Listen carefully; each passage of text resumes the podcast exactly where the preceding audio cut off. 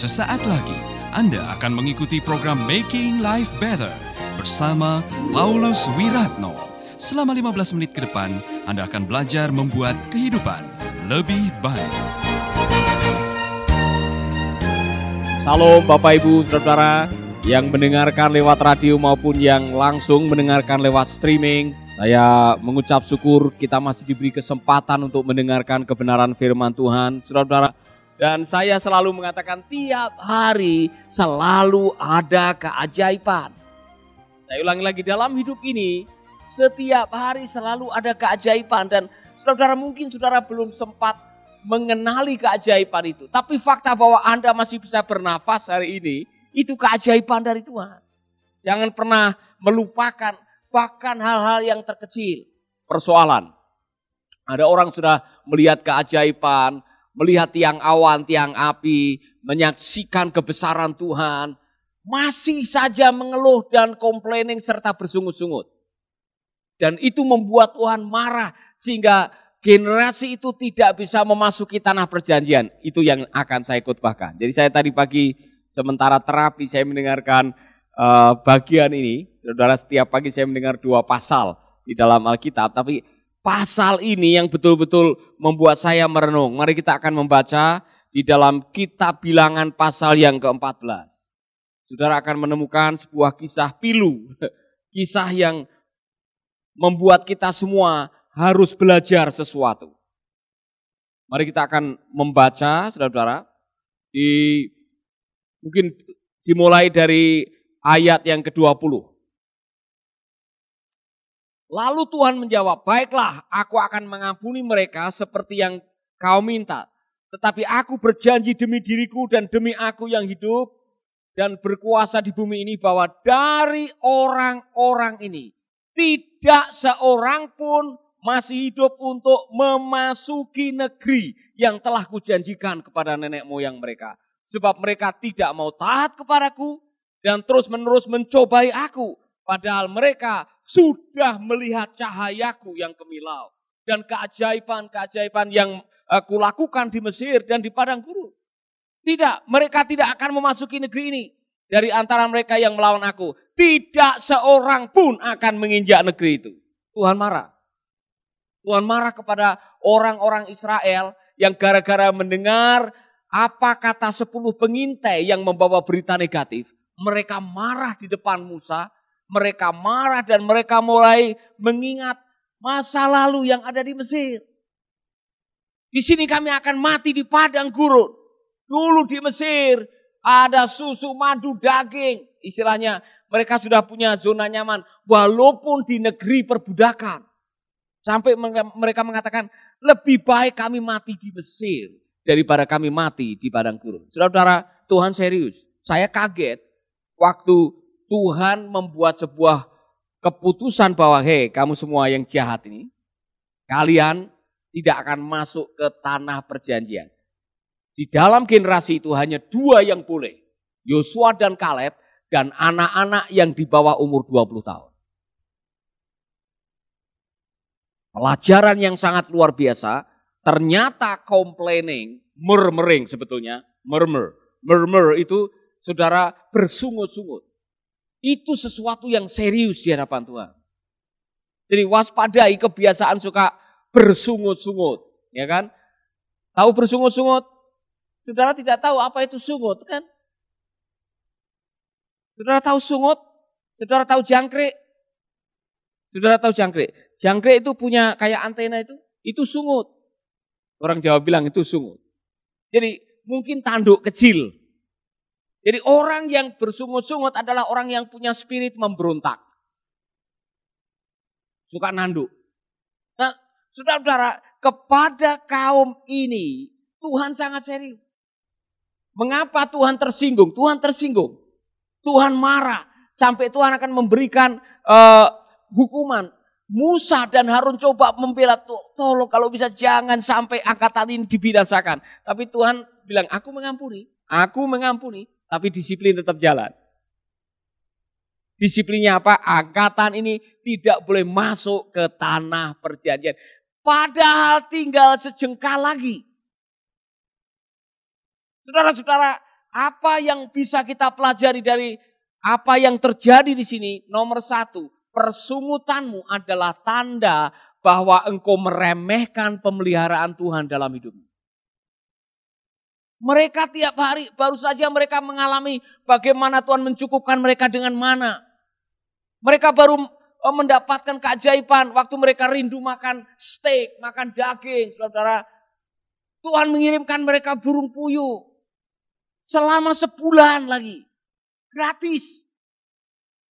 Mereka sudah menyaksikan bagaimana penyertaan Tuhan sehingga mereka tidak eh, mengalami masalah-masalah yang sangat serius karena Selalu ada perlindungan Tuhan dengan tiang api dan tiang awan. Tetapi toh mereka masih mengatakan, aduh kita akan mati di padang gurun. Lebih baik kita pulang. Padahal rencana untuk memasuki tanah perjanjian adalah program besar yang Tuhan miliki untuk kehidupan mereka. Jadi pada waktu Anda bersungut-sungut, Anda menengok ke belakang, dan Anda sedang meremehkan rencana Tuhan di dalam hidup Anda. Dengar baik-baik. Menjalani rencana Tuhan tidak berarti semuanya akan baik-baik saja. Saya ulangi lagi, jangan berpikir bahwa Anda sedang mengikuti program menuju tanah perjanjian yang langsung dipimpin oleh Tuhan dengan tiang awan, tiang api, Anda tidak akan mengalami kesulitan. Kadang-kadang kita pikir, oh ini dipimpin oleh Tuhan.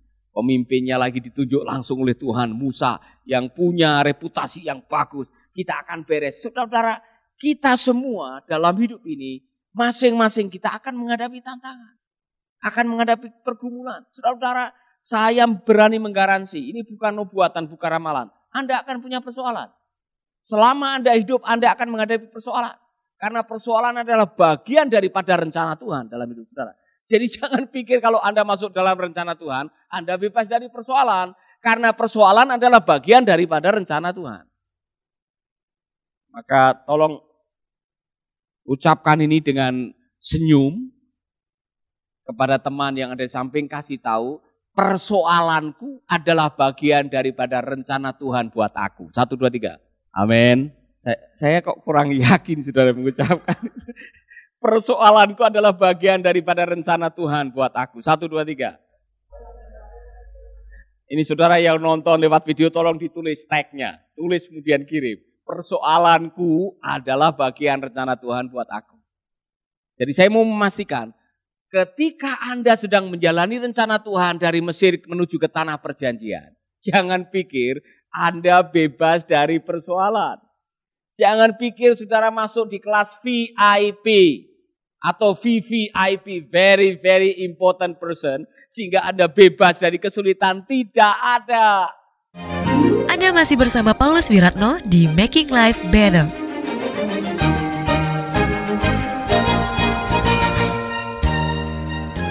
Justru padang gurun adalah menjadi sekolah karakter supaya waktu Anda masuk di tanah perjanjian, Anda sudah menunjukkan kualitas sehingga bangsa-bangsa yang lain akan tahu bahwa engkau adalah umat pilihan Allah. Jadi jangan takut persoalan. Amin. Sekarang tengok lagi temanmu dan bilang, jangan takut persoalan. Begini, ini pelajaran buat saya. Yang membuat mereka mengeluh sampai akhirnya mereka dilarang masuk tanah perjanjian apa? Masalah besar mereka apa, saudara? Yang mereka mengeluh apa coba? Makan. Waspadai kampung tengah saudara dan lidah saudara. Lidah dan nafsu saudara bisa membuat Anda meremehkan janji Tuhan dalam hidup saudara. Gara-gara lidah, gara-gara mulut, gara-gara nafsu, gara-gara keinginan daging, Anda bisa kehilangan rencana Allah yang besar dalam hidup saudara. Waspadai. Amin. Haleluya. Oleh karena itu saya mau mengajak Anda semua untuk coba introspeksi.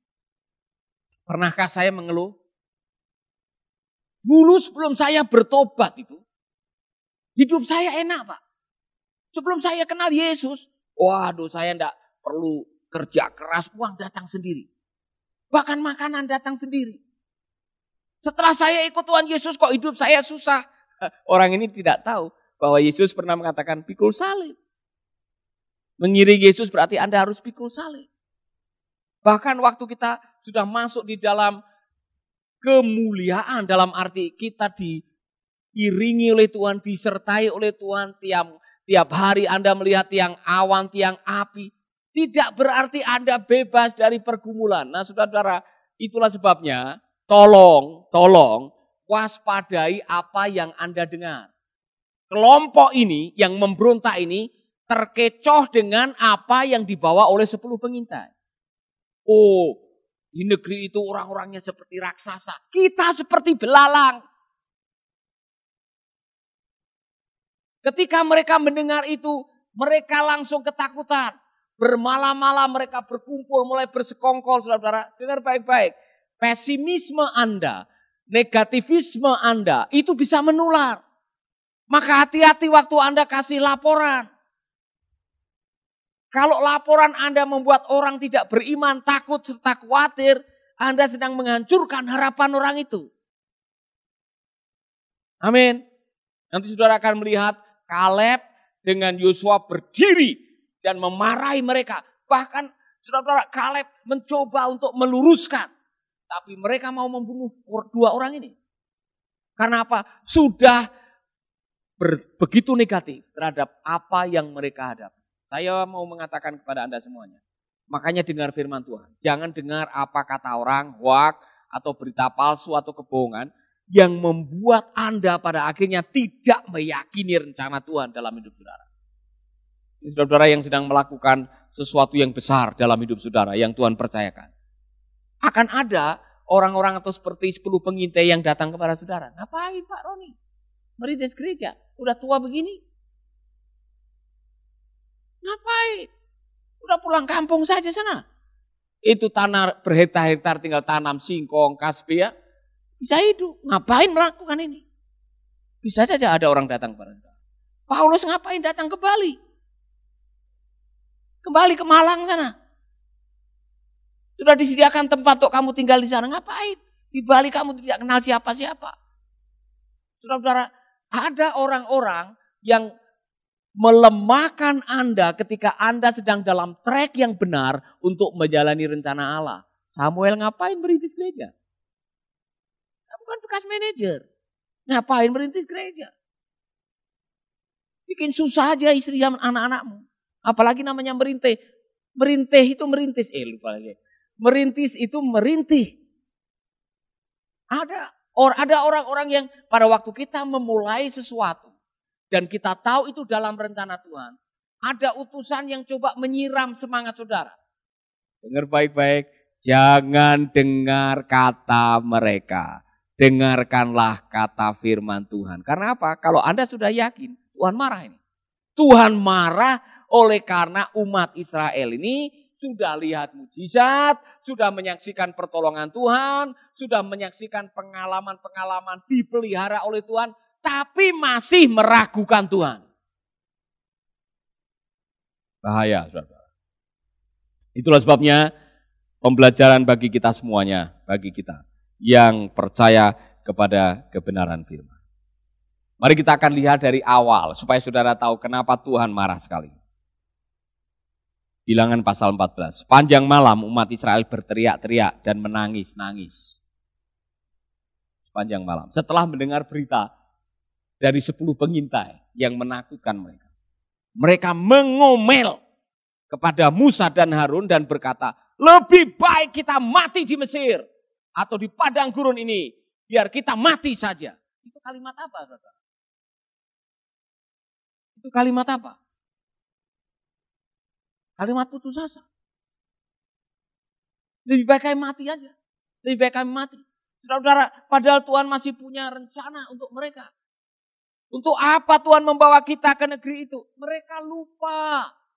Mereka lupa rencana Tuhan. Nanti kita mati dalam peperangan dan istri-istri serta anak-anak kita ditawan. Bahkan lebih baik kembali saja ke Mesir. Lalu mereka berkata satu sama lain, baiklah kita memilih seorang pemimpin dan kembali ke Mesir. Pemberontakan. Nanti saudara akan melihat ada Bani Korah, Datan dan Abiram yang memberontak dan Tuhan marah dan mereka ditelan oleh bumi 14 ribu orang seketika. Karena apa? Ketika Anda ngomel, ketika Anda bersungut-sungut, Anda sedang meremehkan, melecehkan rencana Allah dalam hidup Anda. Sahabat, Anda baru saja mendengarkan Making Life Better bersama Paulus Wiratno.